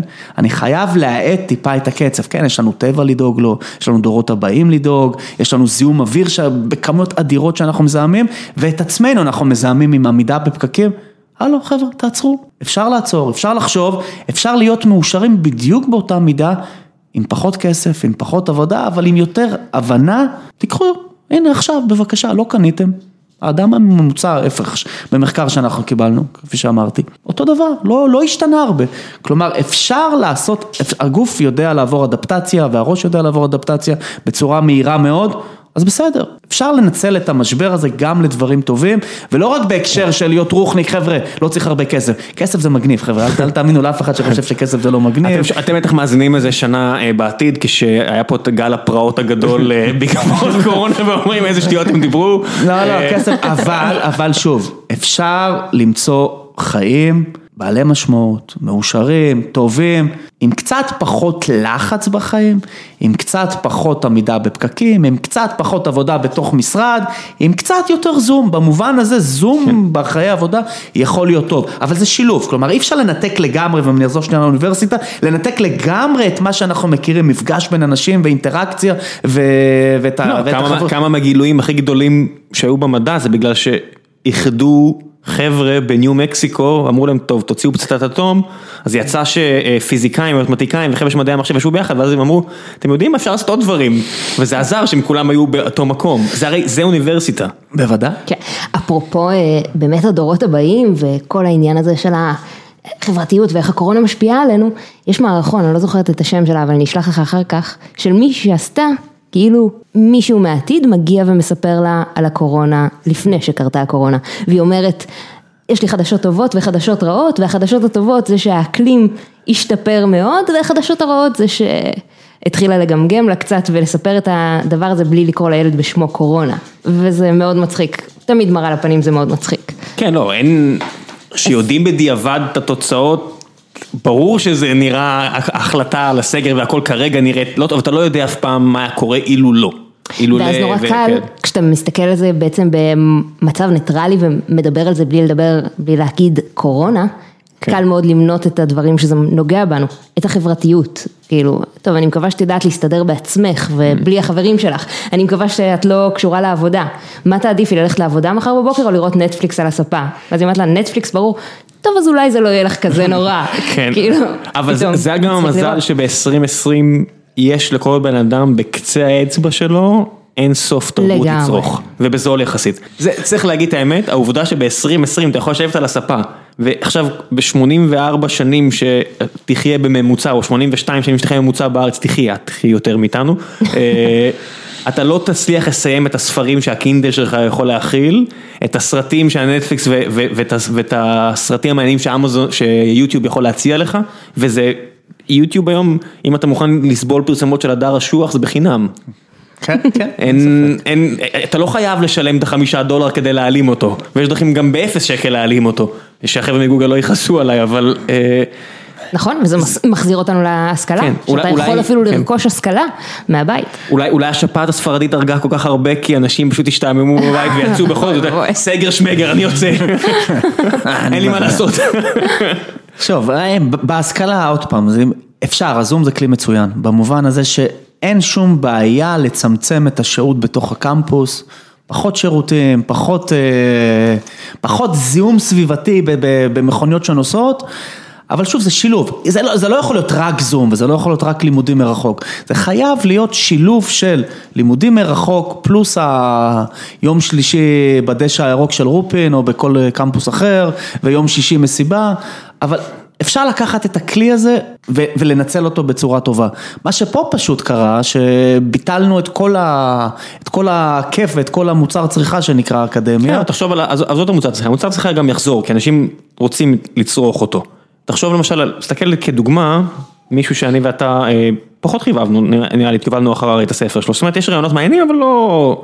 מצד שני, עצם העובדה שהוא גרם לאנשים לחשוב, זאת אומרת כמות האנשים שהוא גרם להם לחשוב, ממרק צוקרברג לאובמה ומטה, לא סתם הוא נוסע בג'י פורשה, הוא והחבר האקסטרה וואטאבר, אה, כי זה עבד, זאת אומרת הוא מוכיח שהיכולת להעביר רעיונות המדיום החדש שכל בן אדם יכול בלחיצת כפתור להפיץ את המסר שלו לכל העולם ואין עורך ביניים שימנע ממך, זאת אומרת יש פחות ופחות, זה, זה כוח מטורף, אולי המבנה הזה של אה, אתה מכין מערך שיעור לכיתה, הוא זה שישתנה, כי אם אתה מחויב ללמד אה, מערך של 13 שיעורים, שאתה חייב להגיע לעקומת, אה, איך אומרים, לפלר?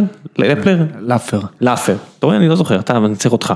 שאתה יודע, הוא התחיל, שם את זה על מפית וזה מגיע עד לשיעור שלך, ואתה חייב להעביר את זה, אז אולי, אתה יודע, כל האילוצים האלה ייעלמו. אולי, אתה יודע, יפתחו לך את העניין הזה של...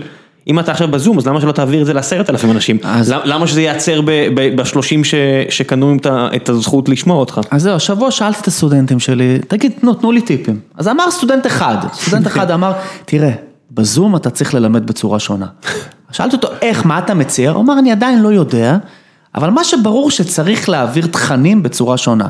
ואני יכול להעיד על עצמי, לא, לא מעיד על אף אחד, שבעצם מה שעשיתי בסמסטר הזה, את אותם שיעורים שאני מעביר כל סמסטר, העליתי על כתב ואני מעביר דרך הזום. האם באמת שיניתי את צורת ההוראה? לא, כלומר זה אותם תכנים בדיוק. ואין לי ספק, אין לי ספק, זה גם יהיה קיצוץ תקציבי וגם זה יהיה דחיפה, אבל שוב זה גם יבוא מצד הסטודנטים. הם עכשיו הם אני כבר... אגיד בתור סטודנטית, כן. ש... ההבדל בין שיעור זום טוב לשיעור זום שהוא פשוט הרצאה ואתה מרגיש כאילו אני יכול לפתוח את הסרטון הזה ביוטיוב ולראות ואין לי טעם במרצה, זה ההשתתפות. וכשהמרצה מאלץ אותך או לאו דווקא מכריח אלא גורם לך לרצות להשתתף בשיעור כי הוא שואל שאלות, כי יש שיח למרות הפלטפורמה, זה עובד. זה כן, עובד ואתה נשאר. המצב הקודם, הוא, אז מה שהוספתי, ואני לא חושב שאמרתי את זה לפרופסור חיימוביץ' שהוא היה כאן, השיטה שלנו עבדה, של לא להגיע כל הסמסטר, כי בטכניון הסריטו את ההרצאות של משוואות דיפרנציאליות חלקיות, ואותו בן אדם שמעביר את זה, שאחרי זה היה שר המדע, אם אני לא טועה, הרשקוביץ' נראה לי קוראים לו. הרשקוביץ, כן. אז כן, היינו שמים את זה על 1.75 מהירות, וטוחנים את הקורס בכמה שעות, אבל הידע חיכה לנו שם, זאת אומרת, וזה אותו ידע בדיוק שעובר כל שנה ושנה, היה לנו מרצה להנדסת חשמל שבנו את בן גוריון סביבו. דוקטור מולכו, אני מקווה שהוא עדיין חי, רואים אותו על הקיר, אתה יודע, עם, עם חולצה פתוחה ורק שתי כפתורים, ולאט לאט הכפתורים נסגרים משנות ה-70 ועד uh, שנות ה-2000, וזה הרי אותו קורס, הוא מעביר קורס על uh, Basic Circuit Theory, שזה משהו שכתבו את הספר הזה בשנות ה-60, ומשנות ה-60 עד 2006 או 2005 שאני למדתי, זה אותו קורס. אז למה שאני אגיע ואשב? אז את זה למשל כנראה שלא צריך, אבל קורס על חשיבה הנדסית, אולי כן. כן, אולי שוב, אתה, החומרים יהיו באינטרנט, וה... והכיתה, אם היא תשתנה, אז גם אם זה יהיה בלית ברירה דרך בזום, אז המפגשים יהפכו להיות שיח. כלומר, אתם יודעים, הנה החומר, כמו שאתה מדבר על הקורס שלך בבן גוריון, ועכשיו הקורס שלי גם בעצם עובר, ל... עלה, עולה כולו לאינטרנט, מה שלא היה קיים עד עכשיו, כי הייתי מעביר את זה פרונטלי. אז הנה אתם רואים, ההקלטות של הסמסטרים הקודמים נמצאים, החומרים נמצאים, את המפגש הזה אנחנו מנצלים אך ורק בשביל שיח, אך ורק בשביל כן. לשאול שאלות, לעורך דיון. בדיוק, אתה חייב, אתה חייב, אחרת כן. הערך המוסף שלך הוא... הוא אפסי, אם אין לך את ה engagement ואת השיח ואת האינטראקציה עם הקהל. נכון. תחשוב שהיית יכול לעשות, להעביר את אותו קורס שנה אחרי שנה, אבל כל שנה אתה מחבר אותו למשהו אקטואלי. זאת אומרת, אם אתה מדבר על לאפר, אז תחבר את זה לאיזה הצעה עכשיו על המיסוי. כל שנה אתה חייב לחבר את זה למשהו אקטואלי, כדי שהבן אדם יגיע ויגיד, אה, על זה הם מדברים בחדשות? אוקיי, הנה זה עושה לי שכל. או ביקוש והיצע, אתה חייב לחבר את זה כל שנה למשהו אקטואלי. אז דווקא במובן הזה תמיד, אני מתחיל כל הרצאה ראשונה, אני אומר, תראו, אני מאוד אוהב תוכניות אקטואליה, ואני שואל את הסטודנטים, מה אתם אוהבים? אז אומרים לי, האח הגדול, או האח הקטן, או האחות השמנה, זה לא משנה מה הם אוהבים. ואני אומר, חבר'ה, התוכנית ריאליטי הכי טובה זה המציאות. ועכשיו הסמסטר הזה, אני אומר, אין יותר מעניין מהמציאות הכלכלית שאנחנו נמצאים בה. חתיכת פרק בריאליטי הזה. חתיכת פרק בריאליטי הזה. וזה... בכלל, נראה לי, להיות תלמיד כלכלה כעת, זה, אני אומרת בתור סטודנטית לכלכלה, זה מרתק. נכון, וזה השבוע עם הסטודנטים שלי ברופין, הם אמרו, או, היום היה שיעור מעניין, כי באמת הם שאלו את השאלות, המציאות התחברה להם יחד עם הקורס, ובהחלט, וזה היה, היה מצוין. ונכון, להעביר את ההרצאה דרך הזום, כנראה שזאת לא הדרך. אז אם אנחנו נחזור שוב לעולם של זום, ואני משער ש... לשם הכיוון הולך, בהנחה שהתקציב לא יהיה מספיק לשלם לכל המרצים כסף, וגם הסטודנטים ירצו בין היתר להיפגש בזום, אז זה, זה הכיוון. נכון. לא, לא הייתי מספידה את ההצלחה של זה, אני פשוט חושבת שצריך לעשות יותר אדפטציות, להתאים את זה לפלטפורמה. נכון, נכון, נכון. השיח חייב להיות הרבה יותר ער, כן? כי זה... כמה דברים אותי משגעים בזום. א', אני לא רואה פרצופים מולי, לא רואה הבעות פנים, אני כמעט ולא שומע שאלות. זה כמו סטנדאפ, אתה יודע, בסוף ההרצאה, ג'ו רוגן אומר, אתה לא יכול להעביר סטנדאפ לא מול קהל. כן, זה, ברור, אי אפשר. זה, זה נוגד את חוקי הפורמט. אי אפשר, אי אפשר, אי אפשר, אני חייב את ה... שוב, אני חייב את המגע, לראות את העיניים של האנשים, כן? לראות אותם, לראות, יש נקודות מסוימות בהרצאה שאתה יודע שזה יותר קשה, יותר קל, והנה אתה נותן עכשיו איזה פאנץ' ואנשים מגיבים. זה, זה משחק, אין, אין מה לעשות, אתה לא רק מעביר את ההרצאה. ובזום אי אפשר, זה לא הפורמט הנכון להעביר, אלא אם כן, אנחנו באמת נלמד בעתיד, כמו שהילה אומרת ואתה אומר, ההרצאה תהפוך להיות מקום שבו אנחנו מדברים ושואלים שאלות ומתחברים כן. לאקטואליה. אתה יודע שב-MBA בשיקגו, אם אני לא טועה, לא יודע אם זה שיקגו או הרווארד, אין ציונים. אתה מגיע, אתה לא רוצה להגיע לשיעור, אל תגיע, שילמת 60 אלף דולר, אתה יודע, את הכסף כבר קיבלנו, עכשיו תפיק מזה כמה שיותר. ואני חושב שהבעיה היחידה בזה, שאז אתה לא תוכל לברור לתואר שני. זה באמת בעיה שאתה צריך לפתור איכשהו. אבל מעבר לכך, הרי את מי זה מעניין, אנשים, אנשים, אתה יודע, ברוב המוחלט, אפילו תיקח את המקצוע הכי תחרותי, נגיד הנדסה או מדעי המחשב, ציונים כבר כמעט לא מעניינים אף אחד, אף אחד, עוד ב-2009 כשסיימתי, היה לי איזה טאקל עם הדיקן, שהוא עשה, עשיתי איתו את הפרויקט, הוא הביא לי ציון נמוך, ואז אחד המרצים שאהב אותי התקשר להגיד אם הוא רוצה שאני אעזור לו, שהוא יעזור לי כדי לשתקן את הציון, אמרתי לו, יהודה, אני כבר עובד שנתיים, הכל בסדר, זה לא מעניין אף אחד, אני מצטער, אני מצטער לפגוע ברגשות שלך, אבל זה לא מעניין אותי. לא, אבל זהו, שמה שאני יודע, למשל על ה-Ivy League בארצות הברית, אז בתואר השני אתה חייב להשתתף, כלומר הציון שלך... נכון, על participation. אתה חייב להשתתף איזה 50 אחוז מהציון, אתה לא יכול לבוא... כן, case study, אתה חייב לעשות את העבודה עם החברים שלך, בוודאי. אתה לא יכול לבוא רק למבחן, כמו שפה... לא, אין, אין, אם אני לא טועה, או בשיקגו או בהרווארד, תקנו אותי, ואני... בהרווארד זה בטוח ככה. בסוף כל פרק, זה כנראה בשיקגו, בסוף כל פרק אני מוסיף תיקונים, אז תקנו אותי, כי אני יודע שיש מאזינים מהבתי ספר האלה. אין, באחד מהם אין ציונים. מה, זה אני לא מכיר. רק ב-MBA, כן, אני לא מדבר על כלכלה. אני מדבר על ה-MBA. אני נזכר רק בסיפור שפעם סיפרה מרצה צרפתייה על מה ההבדל בין הלימודים בהרווארד לבין אה, צרפת. היא אומרת ש... לא, אני טוב שזה לא ככה, אבל היא אומרת בהרווארד, לא משנה איזה שאלה מטומטמת אתה תשאל בתור סטודנט, אתה בחיים בתור מרצה, מרצה, אתה לא יכול להגיד לסטודנט, סטודנטית, משהו מביך, כן? אתה בחיים, אתה תמיד תשתגע. אוקיי, זו שאלה מעניינת, אבל אולי נחשוב על זה בצורה אחרת. לעומת זאת אומרת בצרפת, על שאלה מטומטמת, הרבה פחות מזה, יקטשו לך את הצורה. כלומר, אין מצב שהמרצה או המרצה ייתנו לשאלה מטופשת להישאל מבלי שיגיבו. עכשיו שוב אתה מסתכל על העולם זה, הזה. זה, שבו... ממש, זה ממש טבוע בהיסטוריה שלהם. כן, הצרפתים אין להם בעיה, בארצות הברית ה politically correct, וכן, והנה, עכשיו הפוליטיקה של הזהויות, והיא, והוא, ועוד פעם, לפחות זה יימנע עכשיו בזום, כן, אני לא, לא אצטרך אה, להיות politically correct, אני, אני מדבר בצורה, אני לא יודע מי מקשיב, כן, אז, אז אני... מצד שני אתה יכול להיות בטוח שאתה מוקלט. בדיוק, כן. זה קצת יותר בעיה. הייתי, הייתי, אני, אני, אני תמיד, אני חי את חיי עכשיו כאילו אני תמיד מוקלט. כן, לא רק בפודקאסט פה. הדרך היחידה לשרוד בימינו. אה, הדרך החכמה לשרוד, כל דרך נגמרת בתביעות. אה, טוב, בוא נעשה קצת, אין, אין הרבה שאלות מהקהל כי התייחסנו להכל כמעט. לפני שנגיע לחלק השאלות מהקהל, אני רוצה לספר לכם על נותני החסות הנוספים שיש לנו בפרק הזה. והפעם זה לא אחר מאשר גיל יחזקאל, אדם שלא פגשתי כבר הרבה מאוד שנים ופתאום השם שלו קפץ כשהייתה את ההזדמנות אה, לשתף פעולה. את גיל אני מכיר עוד מהתקופה בעוקץ, הוא היה אחד המפקדים ביחידה בזמן שאני שירתי שם, והסיפור של גיל הוא סיפור ש... אה, שכיף לספר אותו, כי גיל והכלב שלו סטאר היו ממש צמד מנצח, ואחרי שסטאר אה, השתחרר מהשירות הצבאי הסופר מעניין שהיה לו, שאני לא בטוח עד כמה אפשר לספר, עד כמה אי אפשר לספר, אני משאיר לכם לינק לכתבה שעשו עליו במאקרו, נסו לראות מה, מי נגד מי, אני רק יכול להבטיח לכם שהשירות הצבאי של סטאר, לצידו של גיל ולצידם של לוחמים אחרים היה באמת אה, מסוג הדברים שעושים עליהם סרטים, אז אחרי שסטאר אובחן עם סרטן, אה, גיל יצא למסע אה, גיוס כסף, הוא חזר מהודו, מן הסתם שאתה חוזר מהודו אתה יותר תפרן מאשר לא תפרן, והוא הרים מסיבת התרמה והוא אסף כסף וקנה לסטאר עוד, עוד, עוד, עוד חיים, והאהבה הזו לכלבים וחתולים, לחיות, היא זו שדחפה את גיל ליצור, ליצור את סולמייט, שזה מותג האוכל לכלבים והחתולים שלו, ויש לי הרבה מה לספר אז אני אנצל את הבמה הזו ברשותכם. אוכל לכלבים וחתולים הרבה פעמים זה עניין של מיתוג, מייצרים את הכל באותו המפעל ובגדול יש שני תקנים, יש את התקן האמריקאי ויש את התקן האירופאי, התקן האירופאי מחמיר יותר. וזה התקן שסולמייט עומדים בו, וגיל ושותפה שלו, ליאורה, גם לה יש, גם לה יש אהבה גדולה לחיות, הם החליטו שהם הולכים לייצר אוכל לכלבים, לאנשים שאוהבים באמת את החיות שלהם, ולא מפתיע אותי שזה מה שקרה עם גיל.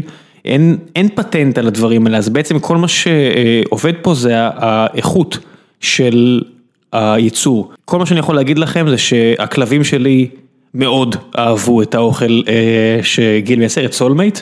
המחיר תחרותי מאוד, וזה, וזה תחת התקינה של השוק האירופאי, שהיא טיפה יותר מחמירה. אז בואו נתחיל באמת על סיבות למה לקנות סולמייט אם יש לכם חתול או כלב. אז דבר ראשון, כמו שאמרתי, מחיר תחרותי, הם חוסכים כ-50% על המחיר של האוכל, ובתקופה כזו של משבר כלכלי, איפה שאתם יכולים לחסוך, ובלי לפגוע בבריאות שלכם או של החיות שלכם בבית, תעשו את זה. בנוסף לכך, גיל עבד עם וטרינרים מקומיים כדי להתאים את כמות החלבון באוכל לאקלים המקומי. זה די מטורף שאנחנו מאכילים את הכלבים פה באותו מזון בדיוק שאוכלים חיות שחיות באקלים שונה לגמרי. זה כן, זה אמור להשפיע על כל מיני דברים שהחיות צורכות, וזה חלק מהפרמטרים שהם לקחו בחשבון, ויש פה גם אג'נדה של נתינה חזרה לקהילה. כחלק מהתקנון של החברה, בכל חודש הם תורמים ועוזרים ככל שמתאפשר להם כדי להציל כלבים וחתולים, וסמכו עליי, אין הרבה אנשים עם לב גדול כמו גיל יחזקאל, אז כשהוא אומר ש... הוא עוזר, אני מבטיח לכם מהיכרות אישית עם הבן אדם שזה המצב, אז אם בא לכם לעזור למותג מקומי ולקנות ולחסוך כסף אבל עדיין לא להקריב את הבריאות של החיות שלכם, אני אשאיר לכם לינק לסולמייט, כנסו, תסתכלו, תראו, וגם אני מצאתי את הלינק הזה של סיפור על בעצם הסיפורו של סטאר, הכלב המיתולוגי של גיל, גם מעניין, ועכשיו בחזרה לפרק גיקונומי עם הילה פרל ואריק שרמן, תהנו. גיא בלומפלד שואל, האם אתם חושבים שצריך לעדכן את הקורסים המיושנים בכלכלה שמלמדים באוניברסיטה בארץ? מה אתה חושב על מוסד הקביעות באקדמיה ועל שיטת ספירת הפרסומים שמתגמלת כמות על פני איכות בגלל כמות כתבי העת המוכרים הגדולה? שוב, עוד פעם, זה לא, לא בכל אוניברסיטה מקדמים כמות על, על איכות, תלך לעברית, לתל אביב, יש, לפחות נדבר על מחלקות לכלכלה, בטח גם במחלקות אחרות, יש מספר מאוד ברור של ז'ורנלים שאם אתה מפרסם בהם זה נחשב, ואם אתה לא מפרסם בהם, חבל לך על הזמן, תפרסם כמה שאתה רוצה, אבל זה לא ייחשב לקביעות. עוד פעם, מוסד הקביעות הוא מאפשר לחוקר או חוקרת לבצע מחקר מבלי שהוא יהיה או היא יהיו נתונים ללחץ כספי או ללחץ מצד המערכת. טוב שמוסד הקביעות לא ישתנה, האם יהיה לה צורך למשל לעדכן את הקורסים? עוד פעם, הכלכלה בבסיס שלה זה משהו די ברור, כן? האם אנחנו מבינים היום מקרו, כמו שספר הלימוד מציג, ספר הלימוד של סטני פישר מציג מקרו בשנות ה-80? לא, משהו מוזר מאוד קורה, וכנראה שספרי הלימוד יתעדכנו. אבל אה, יש בלוג, יש אה, בלוג מאוד נחמד של ג'ורג' מנקיו מהרווארד, ובו הוא מסביר, כן, יש לו את הספרי לימוד היותר אה, נחשבים בעולם הכלכלה, והוא מסביר, תראו, ספר לימוד בכלכלה, בסופו של דבר צריך להציג את המיינסטרים. אתה לא רוצה להתחיל להציג דעות אישיות או דעות, נקרא להם במרכאות קיצוניות. לא, אתה לא צריך לשנות את הספרי לימוד בכלכלה, אתה רק צריך לאפשר לסטודנטים לחשוב על מעבר, כן? תשאלו את השאלות ותכירו, זה מה שהתיאוריה אומרת, אפשר לראות את העובדות, אפשר לראות עדויות סטטיסטיות, ותחשבו, ומי שמעניין אותו עולם הכלכלה, והוא חושב שספרי הלימוד מיושנים, אז בבקשה, הוא מוזמן להמשיך לתואר שני, להמשיך לתואר שלישי, ולחקור. בעצמו. אני לא חושב שצריך את, לשנות את הבסיס, אה, הבסיס אם הוא עובד, גם בהנדסת חשמל, אותו basic circuit theory, הספר הזה מברקלי, הוא עדיין נכון. נכון, החשמל אין, עדיין אין עובד באותה צורה, אה, זה עדיין ידע שמהנדס חשמל צריך, אה, כנ"ל במדעי המחשב, כנ"ל בביולוגיה, כנ"ל בכימיה, כן. אולי בסופט, לא יודע מה, תיאוריז באקדמיה, ספרות ואומנות אולי אפשר לעדכן תמיד. אבל בדברים שהם טיפה יותר hard science, כדאי שתדע את הבסיס אם אתה רץ קדימה, גם אם עוברים יותר לחשיבה. אני לא יודעת אם אני בדעה הזאת, כי יכול להיות שזה ביצה ותרנגולת. בגלל כן. שהחשמל עובד כמו שהוא עובד, בגלל שלומדים את החשמל כמו שהוא נלמד, החשמל לא, נשאר אה, כמו שהוא נשאר. אה, הכלכלה נשארת כמו שהיא נשארת, כי כן. הכלכלנים הם למדו את מה ש... מלמדים בכלכלה. לא, יש, יש במתמטיקה כל מיני אנשים, זאת אומרת, במשך אה, אלפיים שנה לימדו אוקלידיס ואמרו, טוב, זה גיאומטריה, עד שמישהו אמר, זה גיאומטריה, אבל אם נשים את זה על uh, כדור זה כבר קצת אחרת, נכון? ובום, מתפוצץ, זה קצת השתנה, אז כן, תמיד יש מקום לשינויי פרדיגמה. Uh, פשוט אנחנו חיים בתקופה, זאת אומרת, זה, זה מעניין בפיזיקה, פעם בשביל גילוי בפיזיקה, יהודי יכל לשבת ב, במכון פטנטים ולחשוב ולהעיף את האנושות קדימה. והיום צריך uh, עשרות מיליארדים כדי להעיף אלקטרונים שיתנגשו אחד בשני במשך עשר שנים ואולי תיאוריה קטנה שתשתנה. כן, נהיה יקר יותר לעשות גילויים חדשים, אז כנראה שאולי באמת הגיע הזמן לאיזה שינוי פרדיגמה. אה, זה פשוט בגלל ש... נהיינו ב-80 אחוז מהזמן שצריך להשקיע בשביל ה-20 אחוז הנוספים. לא, זה כבר לא 80-20, זה 99, 9, 9, 9, 0, 0, 0, 0, 1. תראה, אם אני אגיע לעולם שבו הסטודנטים שלי באמת קוראים את הספר לימוד ועוד יקראו עוד ספרים אחרים, אני אגיד זה מצוין. כלומר, ברגע שהעולם האקדמי ישתנה ממצב שבו אנחנו לומדים בשביל התעודה, לומדים בשביל המבחן, לעולם שבו אוקיי, הנה, הנה הספרים שאתם צריכים לקרוא, בואו נקיים עליהם דיון, אז אין לי שום בעיה שהספר הבסיס יישאר אותו דבר, אבל נוסיף במהלך השנים, במהלך הקורסים, עוד ספרים שרצוי אה, לקרוא. כן, שמע, שלוש שנים. אה, כן, ויש המון מה לקרוא. יש לך, אז נניח הבסיס הוא שנה, יש לך עדיין שנתיים. נכון, אז אנשים שכחו, הבסיס הוא בסיס, אי אפשר לשנות את הבסיס, כן, אפשר כמובן, כן, אם אתה פתאום תהיה ניוטון ותשנה את הבסיס, כן, אני לא, לא אומר שלא אשמע פחות מדעיות, אבל הכלכלה די ברורה בבסיס, אתם רוצים לשנות בשנה ב', בשנה ג', בואו נוסיף עוד קריאה, בואו סטודנטים עצמם שיקראו וישאלו שאלות. אני לא יכול לסבול, אריק, איפה הסיכום? זה יהיה במבחן? זה יהיה במבחן, או איפה הסיכום. מה זאת אומרת זה יהיה סיכום? אין בעיה, יש סיכום, אבל הילה אמרה, כן, בואו נקיים את הדיון, ואולי דווקא עכשיו, עם העולם של הזום, אז אנשים יבינו שהתפקיד של האקדמיה צריך לחזור בלהעביר בסיס, אבל לעורר את הדיון, לשאול, מספרים על מה ההבדל בין מרצה טוב למרצה מצטיין, כן? מרצה טוב יודע לתת את התשובות לסטודנטים, מרצה מצטיין יודע לעורר את השאלות. וזה... גם אצל הסטודנטים, כן, סטודנט כנראה טוב יודע לקבל 100 בבחינה, אבל סטודנט מצטיין ישאל את השאלות ה... טיפה יותר מעיינות. כן, ישאל את כן. השאלות, גם יקבל 100 מן הסתם, אבל אה, הוא גם ישאל את השאלות. טוב, אה, אנחנו תכף נהפכים לדלת, המלצות. הכנתם? הכנת? את מאזינה, את בטוח... אה, כן, לי יש המלצות. קדימה. קודם כל, אינטרס אישי, אני כותבת שירה וטקסטים כבר לא למגירה.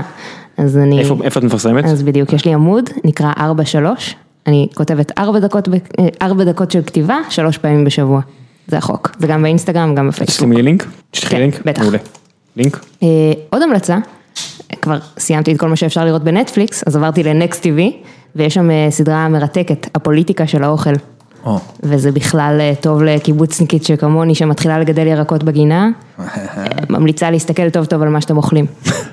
כן, אסף אביר היה, בספר של אסף אביר, הוא אומר שההבדל בטעם זאת אומרת אם אתה מנתח טעם של אה, פרי שאתה קונה בשוק לעומת הסופרמרקט, אה, הוא עצום, הוא אומר אם אתה רוצה לעשות אוכל ממש טעים וקנית בסופר, הפסדת, זהו.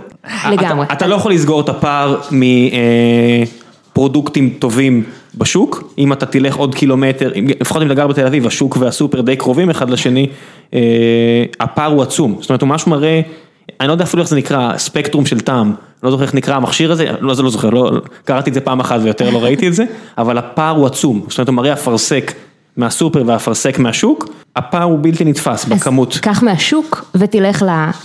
נקטף ישר מהעץ, לא, לקטוף אז- אותו ולאכול. אז- הוא מראה בספר, של כן. אדמה זה מטורף. אז אצלי, לשמחתי, יש פיסת אדמה, אז אני השנה גיליתי את עולם הפירות יער. הנה, יום אה, לפני כמה ימים קניתי אוכמניות. אמ, לא משהו, אבל אני גם מגדל אוכמניות. והיום במקרה כתבתי אוכמניה סגולה, טעימה. אה, אין מה להשוות. אז ההמלצה שלי, תגדלו אוכמניות, כן?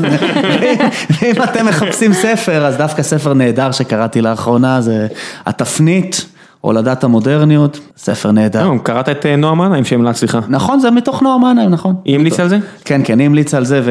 אמרתי לה שהיא צריכה להגיע שוב, כן, כן, כן, כן, זה ספר נהדר גם שלה, ו... כבד אבל אי אפשר לקרוא יותר מפרק לא, אחד לא, בבת אי. אפשר, אבל יש לה המון המלצות וידע עצום, ו...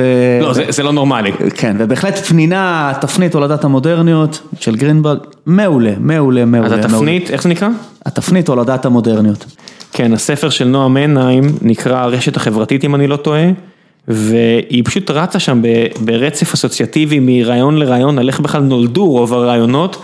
היא מצוינת. היא מצוינת, זה באמת שום דבר מעבר לאי מצוינת, זה אכן עומס קוגניטיבי יוצא דופן, אי אפשר לקרוא יותר מפרק אחד בשבוע או בערב או לא יודע מה, כי צריך להקל, אה, אבל פנטסטי. פנטסטי, בהחלט.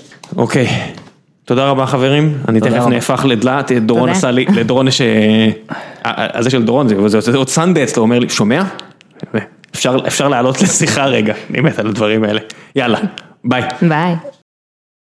אוקיי, זה היה אה, גיקונומי 325, מקווה שנהניתם, וכרגיל, אה, תיקונים. אז אה, בהמשך לפרק עם, אה, אוקיי, למה זה כרגיל? במקרה וזה פרק ראשון שאתם שומעים, אני אספר לכם שבמידה ואמרתי משהו, או אחד האורחים אמר בפרק הזה משהו שהוא לא נכון, ובטוח שנאמרו הרבה דברים לא נכונים, לא יודעים הרבה דברים, אבל בטוח נאמרו דברים לא נכונים, וזה צרם לכם באוזן, אה, מעבר לכל התיקוני עברית אה, הקלוקלת שלי. תשלחו אליי, תמצאו אותי או בטוויטר או באימייל או בפייסבוק, תתק... אם, אם התיקון נכון, אני מבטיח לכם שאני אתייחס ואפרסם את זה בפרק אחר, כמו שאני הולך לעשות עכשיו. אז אה, אלדר, מאזין שמצא אותי בטוויטר, אה, התייחס למשהו שרמי עוד אמר. אז דבר ראשון הוא החמיא לרמי, הוא אמר פרק מעולה, אה, הוא אומר אני כנראה מחזיק בדעות שונות לחלוטין מרמי כמעט בכל נושא שמדובר בפוד, באותו פרק עם רמי, אבל מאוד נהניתי להאזין לו, שיח איכותי ומכבד זה משהו שצריך יותר ממנו. אבל הוא אמר, אני רוצה להתייחס למשפט אחד של רמי שנאמר בסביבות הדקה ה-59, רמי ציין שמספר ימי השביתה בישראל מאוד מצומצמים, ההסתדרות בעשור האחרון כמעט ולא שבתה. אה, אני לא ידעתי על נתון אחר אז לא תיקנתי אותו בזמן אמת, אבל אלדר מוסיף שהנה נתונים מהדוחות הכספיים של רכבת ישראל לדוגמה, שפורסמו לפני כחודש, בקצרה, בשנתיים האחרונות היו 225 ימי שביתה, מתוכם 152 ימים מלאים. בערך 50% מימי העבודה בשנתיים האחרונות היו ימי שביתה, הוא מצרף את התמונה אה, הרלוונטית עם הטבלה שבה מצוין כל הפרטים והתפתח שם דיון שבה אמרו אה, שרמי בעצם מתכוון לשביתה כללית במשק וכזו באמת אה, לא היו הרבה ואז בעצם מישהו אחר אמר אה, שנכון היו איומים בשביתה וגם ככה אפשר לסובב את יעד הרגולטור וזה נכון אבל זה כבר לא תיקון וזה כבר המשך של דיון. אז בנוגע לפחות לתיקון של היה או לא היה שביתה הנה תיקנתי את חובי לקהל המאזינים ויש תיקון ומה אתם עוד צריכים בסך הכל? נכון שכלום? אז יאללה. מקווה שנהנתם, נתראה בפעם הבאה.